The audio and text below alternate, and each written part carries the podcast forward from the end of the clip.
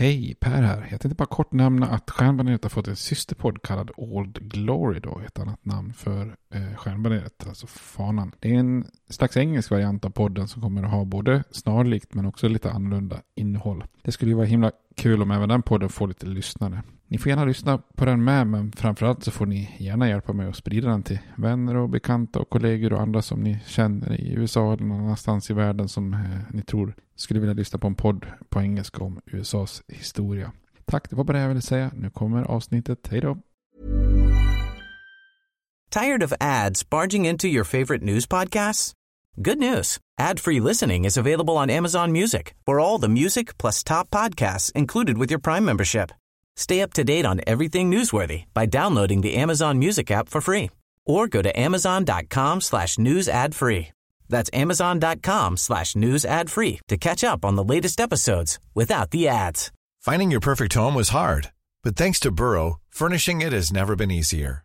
Burrow's easy to assemble modular sofas and sectionals are made from premium, durable materials, including stain and scratch resistant fabrics. So they're not just comfortable and stylish, they're built to last. Plus, every single Burrow order ships free right to your door. Right now, get 15% off your first order at burrow.com slash ACAST. That's 15% off at burrow.com slash ACAST. A new year is full of surprises, but one thing is always predictable postage costs go up. Stamps.com gives you crazy discounts of up to 89% off USPS and UPS services. So when postage goes up, your business will barely notice the change. Stamps.com is like your own personal post office, wherever you are. You can even take care of orders on the go with the mobile app. No lines, no traffic, no waiting. Schedule package pickups, automatically find the cheapest and fastest shipping options, and seamlessly connect with every major marketplace and shopping cart. There's even a supply store where you can stock up on mailing supplies, labels, even printers. Stamps.com has been indispensable for over 1 million businesses just like yours. All you need is a computer or phone and printer. Take a chunk out of your mailing and shipping costs this year with Stamps.com. Sign up with promo code PROGRAM for a special offer that includes a four week trial, plus free postage and a free digital scale. No long term commitments or contracts. That's Stamps.com code PROGRAM.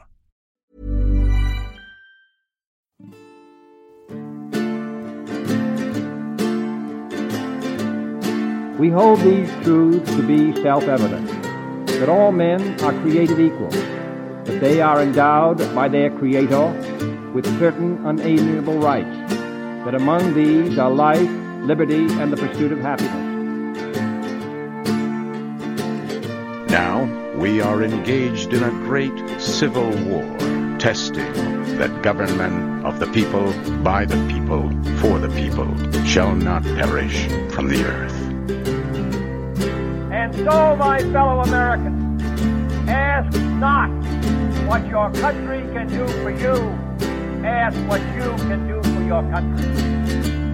I have a dream. My four little children will one day live in a nation where they will not be judged by the color of their skin, but by the content of their character. Mr. Gorbachev, tear down this wall. I did not have sexual relations with that woman, Miss Lewinsky. Då hälsar vi välkomna till Stjärnbaneret igen. Eh, En podcast om amerikansk historia. Lite äntligen. Vi har Ja. haft ett litet ofrivilligt uppehåll här. Ja, det blir ju så. Jag har Ja. kommit lite emellan. Du har ju en lite längre bit att åka. Nu är du inte alltid inne i Göteborg. Och Ja. Jag har inte varit så villig att flytta på mig heller.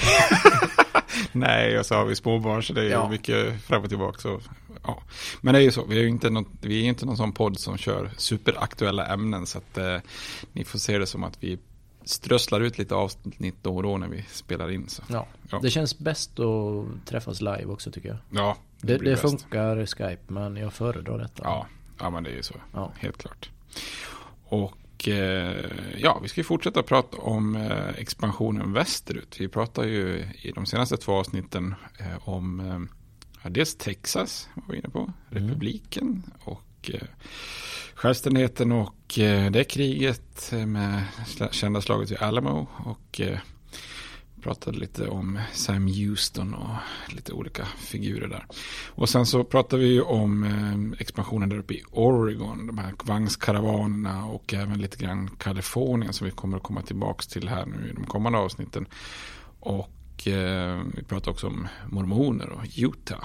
Ja, Eh, så, så att, och då var det ju eh, flyttströmmar på områden som inte egentligen tillhör USA. Men nu ska vi gå in på lite Mexikokriget och de händelserna som gör att det faktiskt blir USA. Känns som ett litet bortglömt krig eller? Det får inte Ja. så stor uppmärksamhet. Eller? det blir nog mycket att det hamnar i, liksom, det ligger för nära inbördeskriget. Så att Ah, det blir liksom, det. hamnar lite i skymundan och är ganska små arméer i jämförelse och så vidare. Så att, eh, I diverse olika sådana här westernfilmer så är, är de ju bland de här områdena då. Man kan liksom ana att det pågår eller är mitt uppe i ett krig med Mexiko. Jag, jag, Mm. jag ser framför mig hur de mexikanska soldaterna ser ut, alltså Mm. uniformsmässigt. Men jag tror aldrig jag heller har liksom gått på djupet eller eh, läst vidare om hur gick det här kriget till. Men det får vi veta i, i det här avsnittet då. Jajamän, Ja, det är ska vi bra. köra. Ja, jättebra. Sen var det ju så här, vi pratade om det här Manifest Destiny, den här liksom rörelsen, alltså filosofin, att man har ett, ett, ett eh, Guds uppdrag, eller ett, det är deras öde att liksom äga hela kontinenten där i USA. Mm. Eh, och det är roligt, man får så selektiv varseblivning. Så alltså, helt plötsligt när jag satt i bilen idag så hörde jag en låt, eh, jag vet inte om du har hört den, High Hopes med Panic at the Disco. Ingen, ingen direkt eh, musik jag egentligen gillar. Nej. Men, men då helt plötsligt bara kom det en textrad som var så här, Manifest Destiny, back in the days we wanted everything. Mhm. Det var ju lite... Ja, ja. så Då hajar du till. Ja, då hajar man till. Likadant jag kollar på det här, eller ja, det är egentligen min fru som kollar på Billions. Den Ja, serien. följer den. Ja. Ja, och då helt plötsligt så pratar de väldigt mycket om den här berömda tavlan, Washington crosses the Delaware. Mm. Han, eh, det pratar vi om under frihetskriget. Mm. Det dyker upp lite här och där tyckte jag också. Mm. Och så pratar vi om Carl Malone, basketspelaren där. Eh, och det var ju lite roligt för han, eh, han eh, jag såg det, eh, han dök upp helt plötsligt eh, i någonting jag tittade på. Och då, då var det att han kallades, kallades för, det tror jag inte vi nämnde, han kallades ju för The The, Mail. Mailman. Ja, vet, du, för att han alltid levererar. Ja, ja, visst, ja, ja, ja, han är ingen Postnord-man. nej, nej, det är han inte. De är inte alltid de levererar. Ja, sen hörde jag också när man så här redigerar att man säger fel också. Helt plötsligt sa jag så här Great Plains indianer att de, de ägnar sig åt jordbruk. Slänker ur den fast man menar, Ja. man menar jakt. Men, Skulle inte jag ha varit där och korrigerat dig? Ja, det kanske lät så naturligt. Så det, ja, så att, eh, mm, men så är det. Men innan vi går in på eh, Mexiko då, så får vi ju som vanligt ha ett, eh, ett, liksom ett öltips. Ja. Nu kommer jag inte ihåg om du nämnde här vilka stater det kommer handla om. Det, det är ganska viktigt för mitt öltips. Så det, det är inget mexikanskt öl vi kommer ta idag då. Eh, nej, Kan, kan du något mexikanskt öl så här på? Sol. Va? Är det mexikanskt? Ja det kanske är det. den? Ja, Jag tror det. Ja. Eh, eller blanda ihop. Nej, San Miguel, det är ju spanskt. Nej, då tror jag Sol är Ja. mexikanskt. Men nej, annars vet katten om jag kan något direkt mexikanskt. Men jag har för mig att de till och med har någon, en del så mörka lager där. Att det Ja, fanns en del inte den tyskar här som flyttade dit. modell, Modello Negra? Ja, just det, heter den kanske. Den är ganska god. för mig. Ja, den är helt okej. Ja, ja. Nej, men kör du. Ja men då får du säga vilka stater det kommer Ja, handla ja, just det. Ja, Förutom vi- Mexiko så är det väl också då New Mexico? Du- Precis, New Mexico och eh, Nevada och Utah. Som vi, Utah nämnde vi förra gången. Mm. Arizona, eh, Wyoming, Colorado. Colorado är en bra ölstat. Precis, Ja. och det är där vi ska stanna till Ja, för bra. mitt eh, öltips då. Ehm, ett bryggeri som heter Left Hand Brewing. Det känner du till?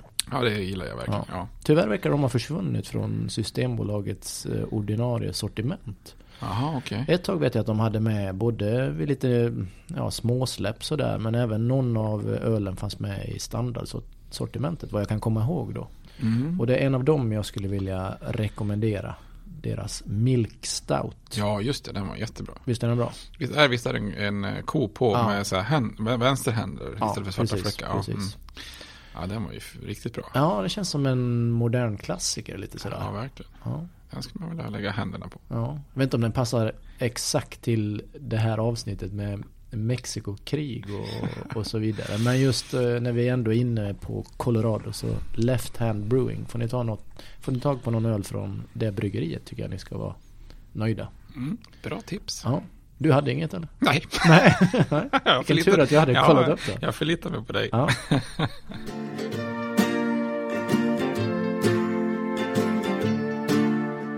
Men om vi hoppar in då på dagens ämne då så drar vi rätt in i Mexikokriget. Och bakgrunden är ju då framförallt Demokraterna som ju inte bara är nöjda med att ta eh, Texas från Mexiko utan de Många demokrater eh, vill ju ha då resterande norra provinser utav eh, av Mexiko då. Eh, det som i Mexiko är övre Kalifornien och deras New Mexico då, Nueva Mexico. Och, och det är som sagt, det är ju enorma landytor. Vi räknar redan upp staterna här. Kalifornien, Nevada, Utah, Arizona, New Mexico, Wyoming och delar av Wyoming och Colorado. Så det är ganska stora områden där. Eh, och man kan väl säga den här Manifest Destiny-teorin eller så. Det är väl, förutom ursprungsamerikaner så är det väl Mexiko som förlorar mest på, på just den eh, teorin där. Eh, och det är lite lustigt att man kan jämföra Mexiko och USA och på många sätt är ju länderna ganska lika. Båda är ju förenta stater så att säga. Eh, Men där Mexiko heter Mexikos förenta stater så greppar ju antagonisten över lite mer där. Amerikas eh, förenta stater. Eh, Och båda länderna är också republiker som slår sig loss från eh, koloniala välden. Då USA från britterna på 1770-talet och Mexiko från spanjorerna på 1810-talet. Det pratar vi lite grann om inför Texas där. Och båda länderna är federala. Och i toppen ser det likadant ut där med en president och en lagstiftande kammare med två makt två kammare, en högsta domstol och länderna är innan Mexikokriget ungefär lika stora till ytan också kan man säga. Eh, Men istället för att samarbeta som två, två grannrepubliker så blir det istället krig och Mexiko är ju ganska olikt USA på många sätt att det är mycket interna stridigheter, och kupper och annat och kanske ännu mer agrart än, än vad USA är då. Och president Polk som vi pratar om här, eh, han, eh, han tänker ju på ett eller annat sätt få Kalifornien och New Mexico i princip från den dagen han sätter sin fot i, i Vita huset. Och han försöker först köpa områden men när, när Mexiko eh, vägrar att sälja så, så då får man ju ta till militära eh, vapen då för att enligt han ska den här Manifest Destiny ha sin, ha sin gång då. Och många tror ju att annekteringen av Texas är ett avgörande steg för att det ska bli konflikt mellan länderna. Eh, att den är oundviklig. Och det blir ju på något vis att USA ärver ju Texas och Mexiko var ju inte överens om var gränsen skulle gå. Och när Texas blir en del av USA, ja då ärver man ju då samma gränskonflikt. Och då, då var han lite slug polk. Så hans tillvägagångssätt är ju att han mer eller mindre provocerar fram ett krig då. Genom att utnyttja det här. Eh, för enligt Mexiko gick gränsen vid en flod som heter Nueces. Eh, och det var ju där det hade gått under spanjo- spanjorernas kolonial, kolonialvälde då. Men enligt Texas då och nu även då enligt USA så gick det ju då längs floden Rio Grande som man känner igen Mm. där, där den går idag då. Så då är Polk lite smart här. Först har han ju skickat sin general då, Zachary Taylor som är en eh, framtida president. Eh, då har han skickat trupper under honom eh, från Louisiana till Texas för att försvara den nya delstaten då när Texas blir en del av USA. Eh, Men när hans förhandlare i Mexiko inte kommer någonstans då i, i förhandlingarna. De vägrar till och med ta emot han eh, för att han är så kontroversiell. Och det kan man nästan misstänka att Polk har utsett en kontroversiell person Mm. som inte ska komma någon vart. Då. Eh, Då beordrar han Taylor med 4000 man att avancera in i det här området mellan de här två floderna, Nueces och Rio Grande. Så det betyder att Taylor och hans män befinner sig i det här bestridna området. På den norra sidan om den mexikanska staden Matamoros. Eh, så då blir inte mexikanerna speciellt eh, nöjda utan de ser ju då med, ja kanske nästan med all rätt att det är en liten aggressionshandling här. Ja, det känns som det är lite provocerande. Ja, verkligen. De står och, jag tänkte säga står och stjärtar på andra sidan floden men det ska jag inte uttala mig för. Jag vet inte om det är någon som gjorde det. Eh, Men eh, då befinner de sig lite väl nära varandra så att det är nästan ofrånkomligt då med två eh, arméer där så nära varandra att det ska uppstå några stridigheter. Så den 25 april så är det ett 16-tal eh, amerikanska soldater som är ute på lite utflykter där som, som dör eller skadas i en liten, eh, i en liten eh, drabbning då. Eller ja, mindre, väldigt mindre drabbning då. Och när den här nyheten når Polk i Vita huset så då är han ju inte direkt sen och agera utan då tänker han nu, nu kör vi här. Så att eh, då skickar han ett meddelande till den amerikanska kongressen då, eh, den 11 maj 46. Och då låter han meddela att Mexico has passed the boundaries of the United States, has invaded our territory and shed American blood upon American soil. Så att han är, han är ganska tydlig vad han tycker om att det här området ska tillhöra USA. Då. Mm. Så det snällaste man kan säga om det där var väl att han kanske i alla fall trodde på det själv på något vis. Där. Jag kan säga att Polk är väl nästan en av de bästa agenterna för det här Manifest Destiny-rörelsen då. Så då röstar kongressen helt enkelt igenom en krigsförklaring och så är kriget med Mexiko eh, ett faktum. Så att då blir det La Guerra contra los Estados Unidos. Mm. Så Viva Mexico säger de då. Ja. Får passa på när det inte är franska termer. Ja, det är bra. Ja, jag tycker du ska passa på. Ja. Vamos a luchara säger de då. Nu ska vi strida. Nu ska vi kämpa ja, eller ja, strida. strida ja. Mm. ja, precis. Caramba tror jag de säger också. Tror du? Nej, tror jag inte egentligen. Det säger de alltid i tecknade serier. Ja. Jag tror aldrig hört någon men, säga det. Men när de blir förvånade? Eller? Ja, tror det. Ja. Men eh, USA är ju ganska oförberett för det här kriget. För de, eh, under de senaste åren så... Det känns som de borde vara beredda med de här provokationerna. ja. att ja, snart kommer det bli något. Var beredda nu. Men det kanske de inte är. Det är Nej. ju ändå en stor yta och skicka, eller en stor, lång sträcka och skicka soldater kanske. Verkligen. Och de har ju, det är ju konstigt också för som du säger, de har ju haft ganska hög svansföring som vi pratar om både mot Mexiko och Storbritannien. Eh, de höll på att få krig med både Mexiko och Storbritannien samtidigt som vi pratade om i förra avsnittet. Men trots det så har ju den federala armén i USA är bara 8600 man. Så det är ju inte så jättemycket att sätta in liksom Nej. så sett då. Eh, och Mexiko de har redan en armé på typ 30 000 så det är lite underläge. För, så då behöver man helt enkelt lösa det. Så då börjar folk kalla in frivilliga. Det är ju som man löser alla krig i, i USA till, på den här tiden. Man, man får förlita sig på frivilliga. Så de kallar först in 50 000 man och sen i slutändan när kriget är slut så har eh, 112 000 man varit eh, eh, inne i armén. Bara vita. Inga, man släpper inte in eh, afroamerikaner. Eh, och det är ju lite av en sån här krigsfeber som sveper över särskilt sydstaterna då. Eh, att äntligen ska Mexiko på allvar få betala för de här hemska brotten med de här Alamo och Goliad och de här orterna där det har varit under krigen tidigare. Då. Eh, och väldigt många som deltar i Mexikokriget kommer ju sen att spela ganska viktiga roller under inbördeskriget. Så det blir liksom träning och får sin militära erfarenhet egentligen i Mexikokriget. Så att för att nämna några så Robert E. Lee, eh, Ulysses Grant, Stonewall Jackson, George Meade, James Longstreet, Braxton Bragg, Pierre Bogard, Sterling Price. Det finns, ja. Bra namedroppat där. Ja, flera hundra kan man säga som, eh, som tjänstgör där då. Det är ju det, de är ju oftast lägre officerare och ingenjörer och sånt där. De som sen blir viktiga under inbördeskriget. Det finns ju liksom en vad ska man säga, de högre befälen i Mexikokriget har ju precis nästan blivit lite för gamla för att, mm.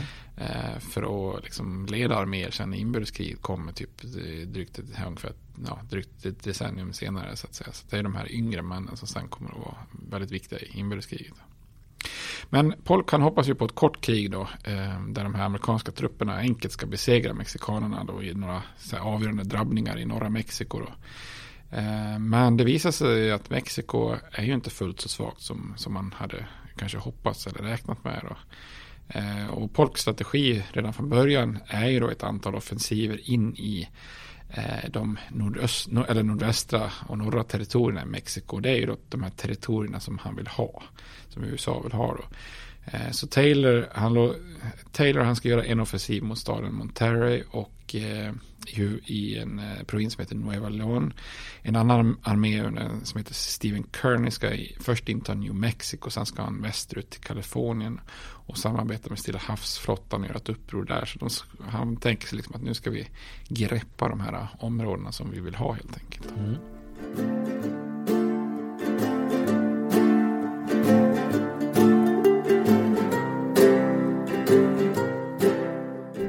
Kriget då? Hur, hur går kriget här? Jo, nej men det går, ehm, det går bra till en början då. I norra Mexiko så har... För vem går det bra? Ja, för USA. det är USA vi bryr oss om. Ja, bryr ja det är det fokuset vi har. ja, precis. Ja, det går bra. Det är ju inte en podcast om mexikansk historia, Nej, så vi sätter det, det amerikanska Nej. perspektivet i ja, fokus. Ja. Nej, men i, i norra Mexiko så har han Taylor till en början ganska många framgångar. Eh, bara ett par veckor efter de här första mindre striderna då, skärmmytslingarna. Så, att, eh, så kommer de egentligen striderna då eh, norr om eh, Matamoros då. Och på ett, ett fält då, som lite högland av gräs som kallas för Palo Alto. Så ställer en mexikansk general upp då, Mariano Arista.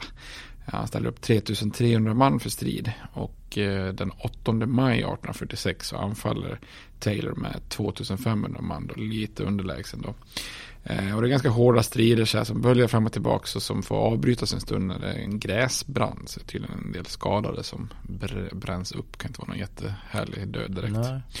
Eh, och när, när mörkret faller så drar sig den här Arista tillbaka och Taylor kan proklamera sig till segrare då. Men Arista har tagit upp en ny position dagen efter då på en plats som heter Resaca de Palma. Eh, och där är hans trupper inte lika utsatta för det överlägsna amerikanska artilleriet. För det är väldigt mycket amerikanskt artilleri som är, är liksom framgångsrikt på, i de här striderna i Mexiko. Annars kan det ibland vara ganska jämnt. Så att säga. Vad hette platsen? Resaca? Resaca de Palma. Är inte det bakfull? Resaca.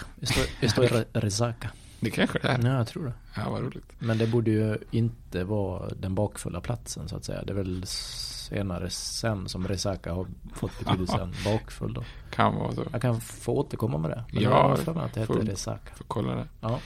Men det är i alla fall de här eh, amerikanska artilleriet inte så överlägset där. Och där hotar de mexikanska um, trupperna då en, en liten amerikansk post då, som kallas för Fort Texas. Eh, och det är en, faktiskt en vän till general Taylor som heter Jacob Brown som dör i striderna där. Och det gör att Taylor sen ändrar namnet till Fort Brown.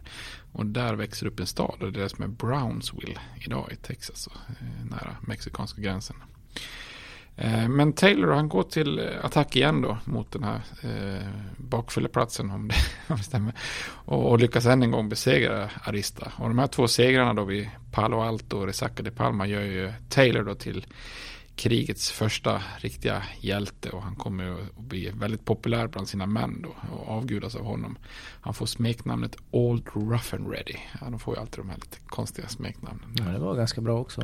Ja, det kan jag tänka Old, ja, jag är fortfarande inne på de där med Magician. Eller vad? ja, Little Magician. Ja. Mm. Men Old Rough and Ready var väl också bra? Ja, det får man ju Sen äh, gör, gör ju då amerikanerna en offensiv mot äh, New Mexico. Då. Äh, och det är den provins som egentligen hela provinsen först faller för amerikanerna.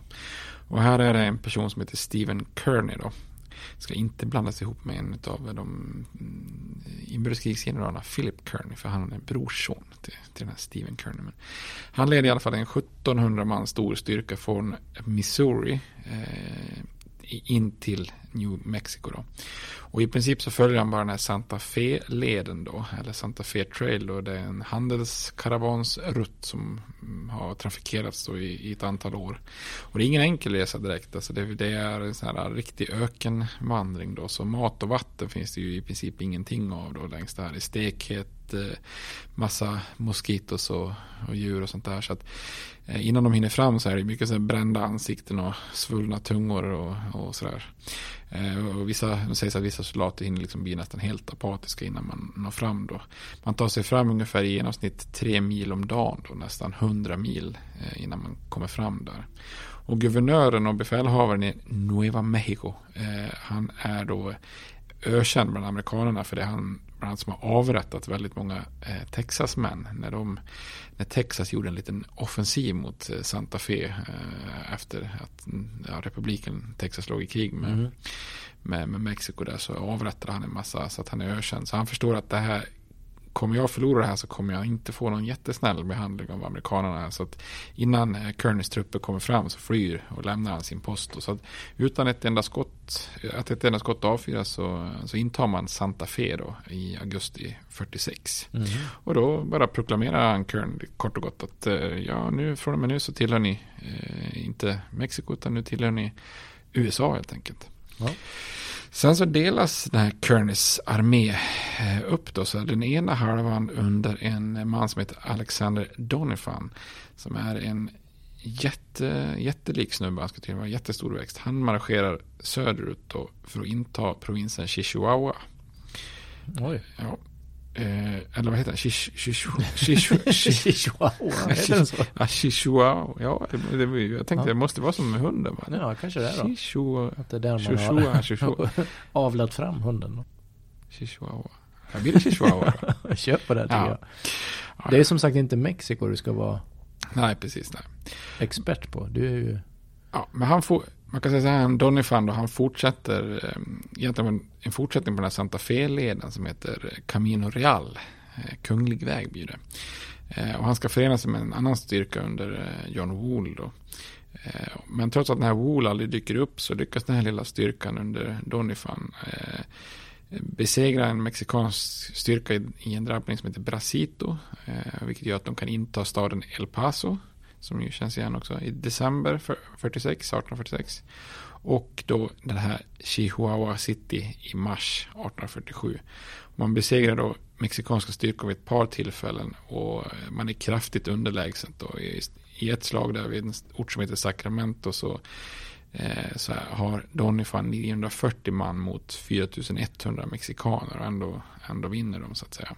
Och det här är liksom helt, alltså med strapatserna genom öknar och annat är ju lätt hisnande alltså. När man till slut, till slut kommer här Donny Fan och hans män att eh, eh, stappla in då i General Taylors läger i en ort som heter Buena Vista. Och då har man alltså totalt sen man startade i Missouri då tillsammans med Kearney så har man då på vägen eh, klarat av de här Santa Fe, El Paso och sen kommit ner då till Taylor. Så då har man alltså marscherat hisnande 550 mil. så det är, ja, det är helt sjukt egentligen då. Ett ganska okänt eh, kapitel av amerikansk militärhistoria men det får väl nästan rankas som en av de ja, mest eh, strålande insatser som någon har gjort liksom, ja. i eh, amerikansk historia. Och han, Kearney, han är inte så mycket sämre själv heller då, för han ska ju då enligt den här planen bege sig västerut mot Kalifornien. Mm. Eh, och eh, med, med 300 man då så marscherar han då genom extremt tuff eh, terräng då. För fram till Santa Fe har de ju kunnat följa en handelsled, men nu ska de ju bara korsa värsta ödemarkerna där. Eh, ja, jag kan tänka själv om man är där någonstans Eh, i norra Mexiko så ska man ta sig hela vägen och förbi alla de här bergen och öknarna och skiten. Liksom i, tänk södra liksom, USA hela vägen ut till kusten då, utan att det finns några som helst vägar, orter eller någonting i princip. Då. Ehm, och så, så att det alltså att nå Kalifornien är inte, liksom inte en militär utmaning, det är liksom en utmaning bara i, i sig. Då. Men mitt på vägen där så möter man plötsligt ett litet, litet sällskap då. Och det är den berömda spejaren Kit Carson.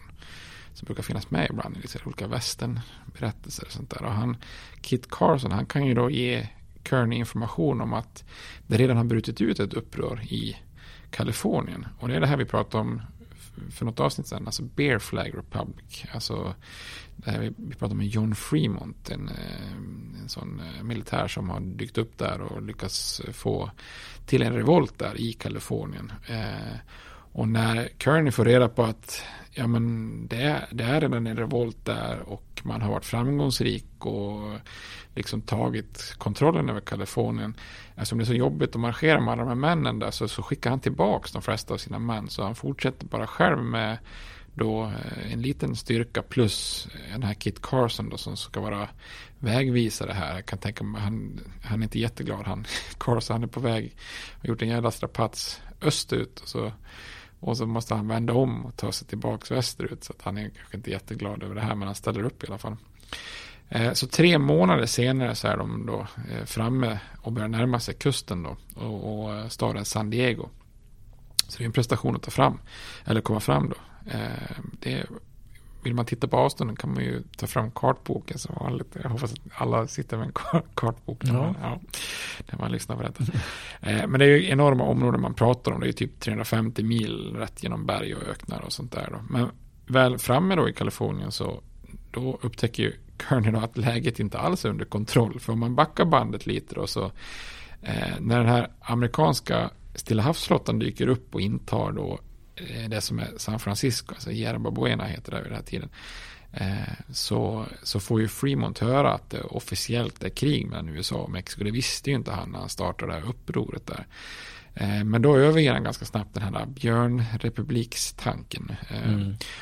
Och så på eget bevåg så utser han sig helt enkelt till befälhavare över amerikanska trupper i Kalifornien. han, ja. han är pigg, han, han, han är handlingskraftig. Då. Så tillsammans med flottans befälhavare Robert Stockton så börjar Fremont röra sig ner längs kusten då. Och I augusti 46 har han intagit både Los Angeles och eh, San Diego eh, och några orter däremellan. Eh, och då verkar det som att Kalifornien är helt i amerikanska händer. Men den mexikanska befolkningen, de är inte så sugna på Kuvas. Eh, och då finns det två bröder där som heter Pio de Jesus och Andrés Pico. Mm. Och de gör då en revolt för att de hade inte haft mycket till övers för eh, centralstyret i Mexico City. Men de, de tänker inte, de vill inte lyda under några amerikaner heller. Liksom. Nej.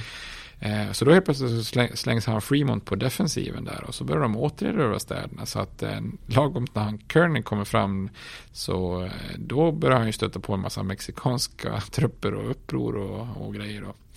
Eh, och då ligger han ju väldigt risigt till för han har ju bara hundra man med sig och de är ju helt typ jättesletna av den här långa marschen då eh, genom dagens eh, New Mexico och Arizona. Så att, och det första han får göra där är ju att börja strida mot den här Andres Pico.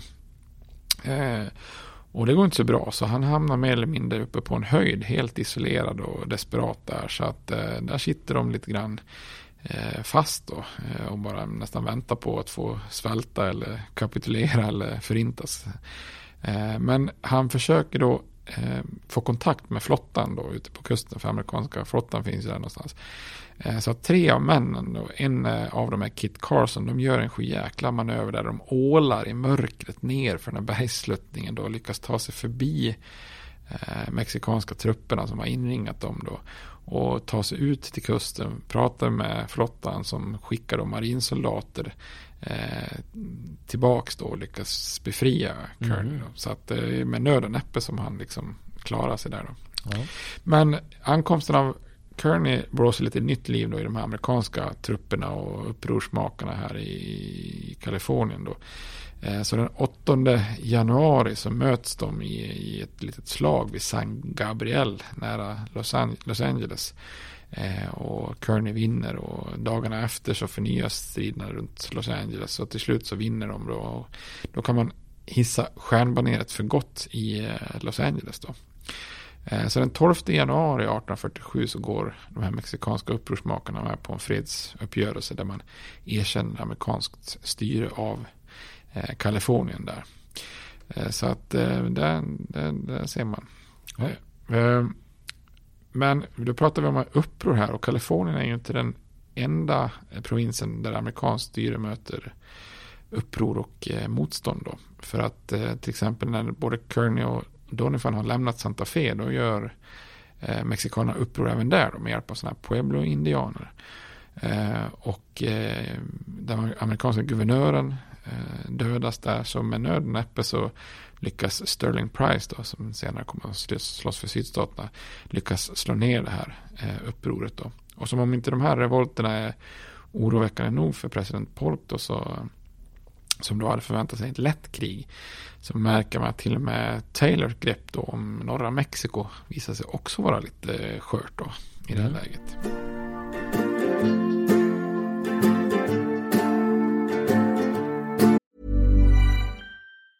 Tired of ads barging into your favorite news podcasts? Good news. Ad-free listening is available on Amazon Music for all the music plus top podcasts included with your Prime membership. Stay up to date on everything newsworthy by downloading the Amazon Music app for free or go to amazon.com slash news ad free. That's amazon.com slash news ad free to catch up on the latest episodes without the ads. Finding your perfect home was hard, but thanks to Burrow, furnishing it has never been easier. Burrow's easy to assemble modular sofas and sectionals are made from premium, durable materials, including stain and scratch resistant fabrics. So they're not just comfortable and stylish, they're built to last. Plus, every single Burrow order ships free right to your door. Right now, get 15% off your first order at burrow.com slash ACAST. That's 15% off at burrow.com slash ACAST.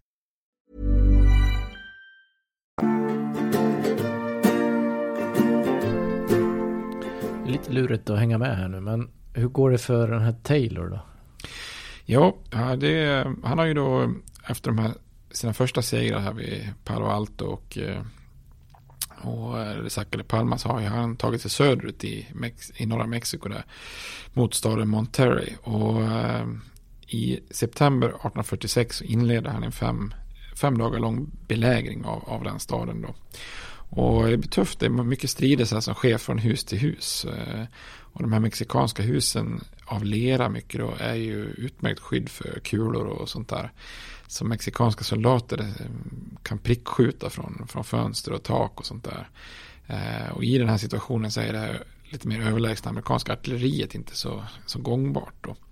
Men då är det en del veteraner från Texas som är med bland amerikanska trupperna där och de har ju lärt sig hur man kan strida mot eh, i sådana här strider under Texas-revolutionen då. Så då har man en, en, en liten manöver som man ofta gör då. Att man, man tar verktyg för att göra hål i väggen på, en, på ett hus. Sen kastar man in typ granatliknande grej genom hålet och så röjer man nedervåningen på fiender. Sen rusar man upp och intar andra våningen på huset. Och från den våningen så kan man sen ge eldstöd till nästa grupp som gör samma sak i huset framför då. Mm. Och så tar man sig liksom, så egentligen så tar man och bara går hus, hus för hus då. Så det är mm. tidskrävande men, men man tar sig fram då. Till, så till slut den 24 september så lyckas Taylor förhandla fram en vapenvila med den här mexikanska eh, befälhavaren som heter Pedro Ampudia Eh, som då avslutar det här slaget. Då. Men han, Ampudia, tillåts, tillåts att dra sig tillbaka då, eh, mot att eh, Taylor får staden. Och det här blir lite kontroversiellt hos vissa då, för många tycker att eh, de kommer lite för lätt undan där.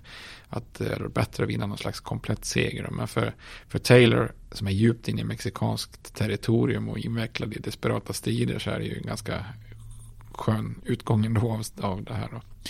Men eh, en som inte är så nöjd med Taylor då, det är ju det är ju president Polk, han tycker inte om det här med vapenvila utan han vill ju få till ett avgörande här. Och han är ju liksom besvärad av de här revolterna i Kalifornien och New Mexico och sen så när Taylor börjar liksom komma överens om vapenvilor här så då Nej, det gillar han inte alls. Så då beordrar han Taylor att du får dra tillbaka vapenvilan. Du måste fortsätta söderut. Liksom. Vi, måste, mm. vi måste besegra Mexiko här. Eh, och då blir det liksom tuffare, tuffare än någonsin för Taylor. För att Eh, han blir inte jättenöjd på Polk heller då, men, eh, men eh, dels blir han av med lite trupper för att vid det här laget så börjar man då planera, som vi kommer komma till, en offensiv mot Mexico City. Eh, men dessutom så ska han fortsätta söderut och nu kommer han också möta ingen mindre än Texas gamla ärkefiende som vi pratade om förut, Lopez de Santa Anna. Mm. Eh, och det är ironiskt nog eh, president Polk som har sett till att det har blivit så.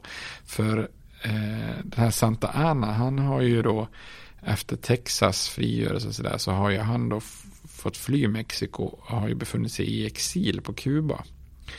Eh, men via så kontakter så eh, börjar han förhandla med Polk och amerikanerna här av att de om USA bara släpper förbi honom då, förbi flottans blockad, för den amerikanska flottan har en blockad av Mexikos kuster, då, då lovar han att han ska arbeta för en fred mellan länderna, bara, bara de släpper förbi honom här då. Eh, så då gör de det, vilket ju då är lite naivt. Eh, mm. Man kan fundera på varför de gör det. Liksom. För så fort han kommer till Mexiko då erbjuder han ju sin service till landet här och vill bli den här befälhavaren som räddar Mexiko. Eh, så att eh, de låter honom då rusta upp en ganska formidabel armé för att återerövra norra Mexiko. Så lagom när Taylors armé har sjunkit till ungefär 5000 man så blir han beordrad söderut för att möta Santa Ana som då har en, nu en armé på 21 000 man. Så det är inte jättebra situation där direkt. Nej. Så Santa Ana han beger sig då norrut exakt samma väg som han en gång marscherade för att försöka slå ner Texas-upproret då, tio år tidigare. Och den 23 februari 1846 så attackerar Santa Ana då eh, amerikanerna vid en eh, stad som heter Buena Vista. Eh, Buena Vista, jag, vad heter det? Heter det Buena Vista Social Club? Ja. ja. Bra, bra sikt, eller vad betyder Buena Vista? Ja, ja. ja jag tror det. Måste vara, ja. Eh, men det är en ganska hård marsch han har gjort. Santana. Alltså, han, han har mycket des, många som deserterar. Men han har ändå typ 15 000 man med sig. Så han har typ ett 3 1 övertag över Taylor. Men eh, amerikanerna står på sådär. och med hjälp av då artilleri och massa så här koordinerad musköteld så lyckas man då få Santa Anna att dra sig tillbaks i skydd av natten då. Så Taylor har ytterligare hjälten och vunnit ytterligare ett slag här. Men det är ett tufft fältslag. Taylor han förlorar 650 man och Santa Ana 3400.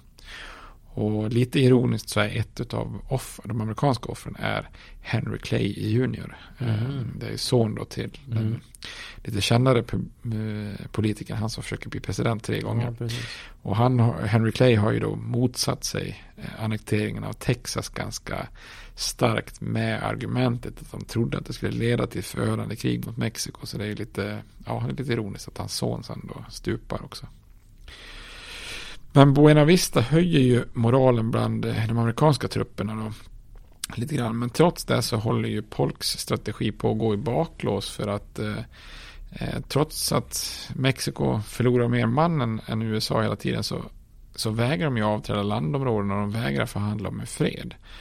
Eh, och då börjar ju Polk också få oroa sig lite grann över det som brukar kallas för eh, kriget i Washington. Alltså redan från början så är det lite grann en splittring om det här kriget som blir värre med åren då. Framförallt är det det här Whig-partiet som är motståndare till kriget och medan Demokraterna var för kriget. Men det finns ju också en nord-sydlig dimension där man i norr motsätter sig erövringen av områden dit slaveriet kan spridas medan södern då ser det som en rätt att mm. kunna sprida slaveriet där. Eh, man, så Whig-partiet, de vågar inte rösta emot Polks krigsförklaring. Därför att de minns ju hur det här, vi pratar om det här federalistiska partiet, de motsatte sig ju kriget 1812 och det vart ju liksom rätt i graven. Partiet liksom upphörde mer eller mindre. Eh, men även om de röstar för kriget så, så, så är det ju en kontroversiell start och det här med slaveriet är ju liksom känsligt då. Och framförallt den här krigsstarten är ju kontroversiell, liksom provocerat fram kriget. Eh, och det är bland annat en förstagångsrepresentant i representanthuset i kongressen från Illinois som heter Abraham Lincoln. Han eh, kritiserar Polk i, i representanthuset för att ha startat ett aggressions, eller vad heter det, Aggress, ag, aggressionskrig. Mm, mm. Ja, ett jävligt aggressivt krig. Ja. eh, på mexikansk mark då. Så han kräver lite svar där från presidenten. Så det brukar kallas Mr. Polks War, precis som 1812 års krig kallades för Mr. Madisons War eh, mm. av motståndarna då. Så att Polk kan ha lite, det är lite oroväckande både hur utvecklingen i Mexiko och eh, utvecklingen i Washington då. Så det är frågan hur, hur länge ska han kunna hålla moralen uppe bland trupperna och för en krigsinsats som möter en massa hård kritik. Eh, och en sak med kriget är också lite extraordinärt för att USA har ju bara förlorat 2000 man i strider. Men ungefär ytterligare 11 000 har dött av sjukdomar. Eh, både för att man var Ja, alltså man har, man, inga höjda, man har inga höjda läkare. Mm. Man är dålig på det här med medicinsk eh, kunskap. Då. Sen är det ju alltså mycket brist på vatten och mat och ökenklimat och skorpioner och skallormar och allt mellan himmel och jord. Sen alla de här vanliga krigssjukdomarna med tyfoid och malaria och eh, vad heter det, gula febern, smittkoppor och allt sånt där som dyker upp då. Så även i jämförelse med flera av de andra större krigen Alltså då är ju arméerna i Mexiko väldigt små till antalet egentligen.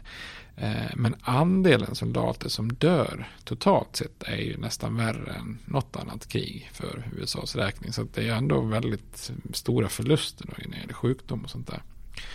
Och det här är ju spännande. Det är ganska lätt att underskatta situationen som är här i början av eh, 47 då.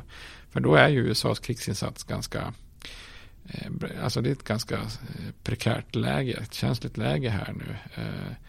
Mexiko som redan har förlorat Texiko vägrar att acceptera att förlora New Mexico och Kalifornien. De vägrar lägga ner sina vapen. Eh, och ett antal och ett mindre amerikanska arméer har med nöd och näppe fått fotfäste i ett antal nordliga mexikanska provinser. Men där kan man ju inte befinna sig i all evighet. Och Mexiko har ju en befolkning på sju miljoner man. Så man kan hela tiden ta fram nya arméer. Så att mm. det här innebär att till slut får ju Polk och USA fundera på att vi måste nog göra något något drastiskt här och då sätter man in allting på, satsar allt på ett kort och det är att inta Mexico City. Mm. Eh, och det är ju, som vi kommer komma till i nästa avsnitt, det är, det är ju framgångsrikt liksom, och det blir ju en bra fred och, och så vidare. Men eh, det är ju när man har facit i hand så är det lätt att tänka att det var ofrånkomligt. Men det hade ju kunnat gått, i det här läget hade kriget kunnat gått väldigt illa för, för USA då. Så att, eh, men det kommer vi att komma till i, eh, i nästa avsnitt. Ja. Om till Mexico City. Eh, jag funderar också på, jag nämnde ju den här Robert Stockton som är befälhavare över armén, eller flottan på Stilla hav, havskusten mm. där. Det finns ju en anekdot eller kopplad till honom där. Han är ju han är ju för det första en barnbarn till en person som skrev under självständighetsförklaringen. Men hans främsta skepp där, USS Princeton, eh, hade ju varit, han hade ju finansierat det här i samarbete med den här svenska atletten John Ericsson. Han som är känd för att mm uppfunnit eh, propellen och skapat det här krigsskeppet Monitor under mm. inbördeskriget. Och så. Han står ju staty här i Göteborg, där, början på Avenyn där Jaha. Stor, ja, ja, ja, men det vet jag. Så han är ju väldigt känd liksom historiskt eh, svensk amerikan då. Eh, och det är faktiskt hans Stockton som lockar Eriksson att åka över Atlanten. Mm. Det, är han, det är det som blir att han bosätter sig i USA också. Men trots att de har det här gemensamma projektet då, så blir de lite osams till slut då.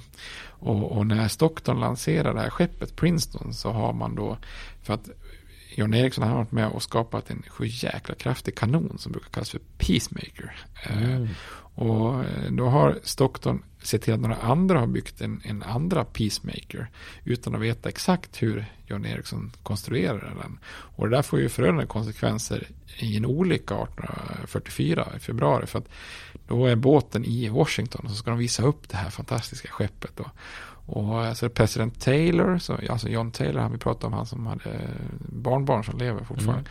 Mm. Eh, han plus två ministrar eh, och även den före detta First Lady, Dolly Madison, alltså James Madisons fru. Och fyra, 400 andra gäster har ju gått ombord på det här skeppet och så är man ute och seglar lite där på Potomacfloden. Eh, passerar bland annat George Washingtons gamla plantage där, Mount Vernon och sådär. Och så vill, hon ju, vill ju hans Stockton stila lite så han måste ju avfyra den här kraftiga kanonen några gånger då. Och den sista gången som de eh, avfyrar den så, så sprängs den.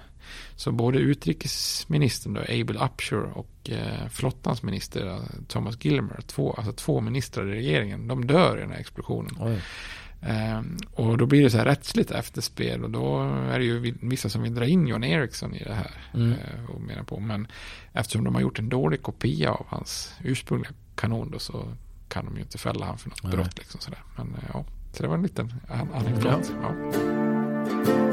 Bra,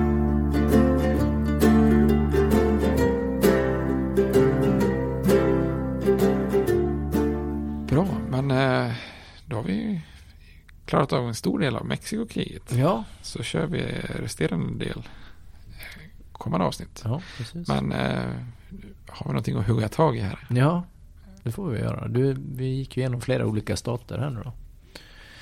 Och vi ska väl stanna till vid några av dem. Vi, vi kanske till och med då får en koppling. Nu hade du en fin koppling till Sverige där med Ericsson. Men eh, det blir en koppling tillbaks till Ludvika faktiskt. Oj, oj, oj. Ja, vår hemstad. Ja. Är det hemstad? Födelsestad? Eller vad heter det? Ja, hemstad ja, säger man. säger man hemstad? Jag tänkte säga hemstad. Nej, jag tänkte, födelseort. Födelse, ja, jag tänkte där man bor i hemstad. Ja, mm, ja, precis. Men vi kan börja med lite sport först och då får vi rikta in oss på Colorado. Av de här staterna som vi har nämnt. Mexiko, eller Mexiko. Eh, Kalifornien sparar vi till nästa avsnitt. Ja. Så där, där finns det nog med lag. Men ja. Colorado måste vi ju nämna och det har vi gjort tidigare. Peter Forsberg eh, och eh, Colorado Avalanche ja. som utgår från Denver då. Just det. Jag behöver tänka på det. Undrar hur det känns sådär som eh, för Quebec när de liksom tappar ett helt lag. Tänk man har följt ett lag hela sitt ja, liv och sen plötsligt då finns inte de. Eller börjar man då hålla på Colorado Avalanche då eller? Nej, det är konstigt. Jag vet inte. Det är bara frågan som ja. någon som har upplevt sveket ja, ja, laget har sålt. Ja. Det kan ju inte vara så vanligt inom eh, alltså vanlig fotboll som vi mer följer. Eller hockey här i, i Sverige. Men ja, där i USA så känns det väl som att lag har bytt liksom städer ganska friskt ändå. Ja. Både inom baseball och ja. amerikansk fotboll och I Sverige, jag tänker hockey. på, var inte de AFC Eskilstuna? Bytte inte de? Jo, det gjorde de ju. Ja, och, och lika Dalkurd. Dalkurd. Ja. Ja. Var det någon skulle byta till Uppsala? Vad fan var det? Ja, Nej, jo. ja, är det någon som följer Dalkurd? jag vet inte. Nej, Brage är ju mer. Ja, Brage är laget. Ja. Men eh, han vann ju Stanley Cup eh, två gånger åtminstone vad jag vet med Ja. Colorado Avalanche. Mm. Eh, sen har de ju fler lag naturligtvis. Denver Broncos, vad är det för sport vi pratar om? Det är väl amerikansk fotboll? va? Ja, Mm. precis. Ganska snygg eh, logga med den här. Nej, det är inte de som har stegrande hästen, tänkte jag nu. Nej, det Jo, den. är det inte det? Är det den? Ja. Bronco är väl en... Ja, det är den. Ja, det är ja, väl ja. spanskt ord tror jag för, för häst eller Ja, just ja. Och så är det någon, vad är det, är nug, Nuggets vad är det? Nej. Ja, jag tänker... Colorado- Nej, Denver. Ja, Denver Nuggets, ja. Ja. Är det basket eller? Ja, det är basket. Mm. Och sen har ju Sacramento också, men då är vi ju, då är vi ju inte kvar i Colorado. Ja, då har vi nog kommit över till Ja, Kalifornien. Ja, precis. Men vi kan stoppa vid, vi kan byta stat då. Vi pratade ju om eh, New Mexico. Ja. Bästa namnet på en stad, vi, vi nämnde ju några, men jag tycker ändå att Albuquerque, eller hur säger du? Al- Albuquerque. Ja. Ja, jag tycker det är ett coolt namn. Jag funderar alltid vart det ligger. Ibland tänker jag att det ligger uppe i Alaska, men det är det inte. Nej, det är lite annat klimat. Ja. Ehm, Jag tror den är ganska stor faktiskt. Jag, jag, jag, mig jag såg det på någon sida. Alltså de här städerna nere där, alltså, som man kanske inte tänker på direkt med Phoenix och Mm. Albuquerque och de olika. Jag tror att de är riktigt stora i i jämförelse. Ja, kanske de är. Ja, jag, har- jag har inte koll på själva storleken. Jag vet att New York är största staden i USA och att Los Angeles är näst störst. Men sen har jag lite dålig koll. Ja, nej faktiskt inte. Jag, Men de är väl inte uppe i de storlekarna med miljonstäder eller? Ja, Eller- jo, men jag tror att de är på något så här topp top 20 eller så, Ja, kanske 10. de är. Ja. Mm. Albuquerque där i alla fall. Little Miss Sunshine, kommer du ihåg den filmen? Ja, ja, ja, väldigt bra, ja. feel good film Ja, tycker jag. Många bra skådespelare och ja, rolig story. ja, det får man säga. Den utspelar sig ju delvis i Albuquerque då. Jag tror Ja, okej. de bor väl där va? Fast de re- reser iväg till den här tävlingen någon annanstans. Just det. är ju lite av en road movie men det är ändå en Ja. liten anknytning. Folkabuss. Ja. Mm. Sen har vi ett band från Albuquerque, The Shins. Okänt för mig. Ja, de fick ett väldigt uppsving med en låt som heter New Slang. Den var med i The Garden State, en film av han. Ja, ja, men han från Scrubs. Ja, precis. Ja, ja, Ja. okej. De var med i soundtracket där och efter det så fick de väl någon list etta av något album. Så Ah, okej. den låten kan man ju lyssna på. Ja, det får jag, den får jag söka upp. Ja, det tycker jag. Och sen har både då, vi har ju nämnt Weird Al Yankovic tidigare. Eller hur? Så har vi det. Ja, det kanske vi har. Både Weird Al och eh, Neil Young har gjort en låt som heter Albuquerque. Jaha, okej. Mm. Men då kan jag inte rekommendera någon av dem. det är lite roligt tycker jag. Ja, ja, ja, verkligen.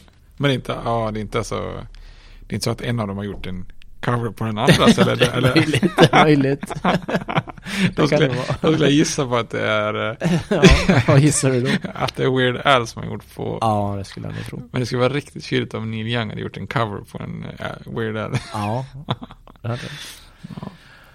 Ja, men där har vi ingen koppling till Ludvika då. Nej, Utan då får vi förflytta oss till Roswell. Roswell? Känner du till Roswell Nej. i New Mexico? Det hände något i Roswell eh, 1947. Eh, det var en UFO. Det UFO-incident. Ja, just det. Ja, ja, ja. Eh, när eh, då enligt konspirationsteorier så ska det ha ett flygande tefat ha landat då utomjordingar i Ja, Roswell. okej. ja men nu, 1947. nu, nu börjar jag känna, känna att det ringer en liten klocka. Den officiella historien är väl då att det är en, eh, man säger först att det är en väderballong. Alltså en, eh, ja, USAs Ja. egna, Amerikas egna väderballong som mätte väder och sånt. Men det var väl snarare någon sorts, eh, inte vädersatellit, men spionsatellit som på något sätt skulle liksom kontrollera eh, när Sovjet eh, sprängde, provsprängde saker så skulle man med hjälp av den här ballongen högt där uppe då kunna registrera det och ha koll lite på när de Aha, gör vad. okej. Men det, det är väl lite oklart. Men det får ju sen då, eh, ja det har fått jättemånga olika konspirationsteorier om detta då. Men det skrevs en låt som heter Roswell 47. Okej. Ja. Av? Av ett death metal band som heter Hypocrisy. Jaha, det har de gjort där? Och Hypocrisy är ju från Ludvika? Ja. ja. Kan du några bandmedlemmar i Hypocrisy? De har bytt lite fram och Oh. tillbaks genom åren. Ja, det borde jag kunna, men det känns som det var länge sedan jag Jag kan tänkte, säga tänkte några av dem jag kom på. Ja, det var länge sedan jag vill tänkte på det bandet. Men, men sångaren heter ju Peter Täktgren. Ja, just det. Det är han som Mm. sen blir soloartist, var Pain. Ja, just det. Just det. Jag tror brorsan känner honom. Och trummis Lars Söke. Ja, mm. Masse Brogren. Och Jonas Österberg. Alltså, Jonas, ja, ja, ja, han var ju med. Om jag, där har jag läst på lite. Jag tror han var med ett år då. Ah, okej. Coolt. Ja. Ja, ja, ja. Det är mycket kopplingar. Det är brorsan, det är också brorsans kompis. ja, visst är det ja, det. Han kände ju bror, både Jonas och hans brorsa. så. Ja. Det är en jättebra låt, Roswell 47. Jag tror till och med att vi har något kort hemma. Eh, där, nu outar jag brorsan, men han, eh, de hade ett band ihop någon gång där.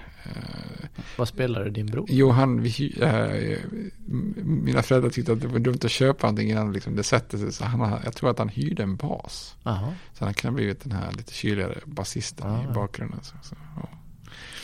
ja, det ser man. Undrar om han på något sätt har ett finger med i spelet då kring Roswell 47. Alltså låten, inte själva, inte själva UFO. Nej, Incidenten. Ja, kanske. Jag vet inte. Ja, annars tänker jag, vi pratar om Nevada också. Ja. Där, där är ju också det här Area 51. Mm. Det är ju jättemycket här anläggningar med väldigt hög sekretess. Och det är klart när det är mycket sekretess så blir det ju massa konspirationsteorier och utomjordingar. Förresten det var ju en utomjording, det såg man ju i Independence Day. Ja, ju, precis, ja, precis. Så att, det är ju beläckt. belagt. Ja, Beläckt. beläckt. Ja. Mm. Ja, Ja. Har, har du något mer? Jag tyckte det var en fin avslutning. Ja. Men nu börjar du förstöra min fina avslutning med Area 51. Men Ja. ja, det får jag nu. Ja, ska vi nämna John McCain? Han var ju från Arizona. Nej, ja. Nej, vi Nej, men eh, jag vill, jag vill eh, trycka för låten då. Roswell 47 med. Hypocrisy. Finns den på Spotify? Det antar jag. Ja. Om, om inte så ska jag se till att den finns där. ja, det får du göra. Då. Ja. Ja. ja, men kanon. Ja. Men då säger vi hej. Hej. Hej. States like these and their terrorist allies constitute an axis of evil. And if the hippies and the yippies and the disruptors of the systems that Washington and Lincoln as presidents brought forth in this country will shut up and work within our free system of government, I will lower my voice. if the impeachment provision in the Constitution of the United States will not reach the offenses charged here, then perhaps that 18th century Constitution should be abandoned to a 20th century paper shredder. Therefore, I shall resign the presidency effective at noon tomorrow.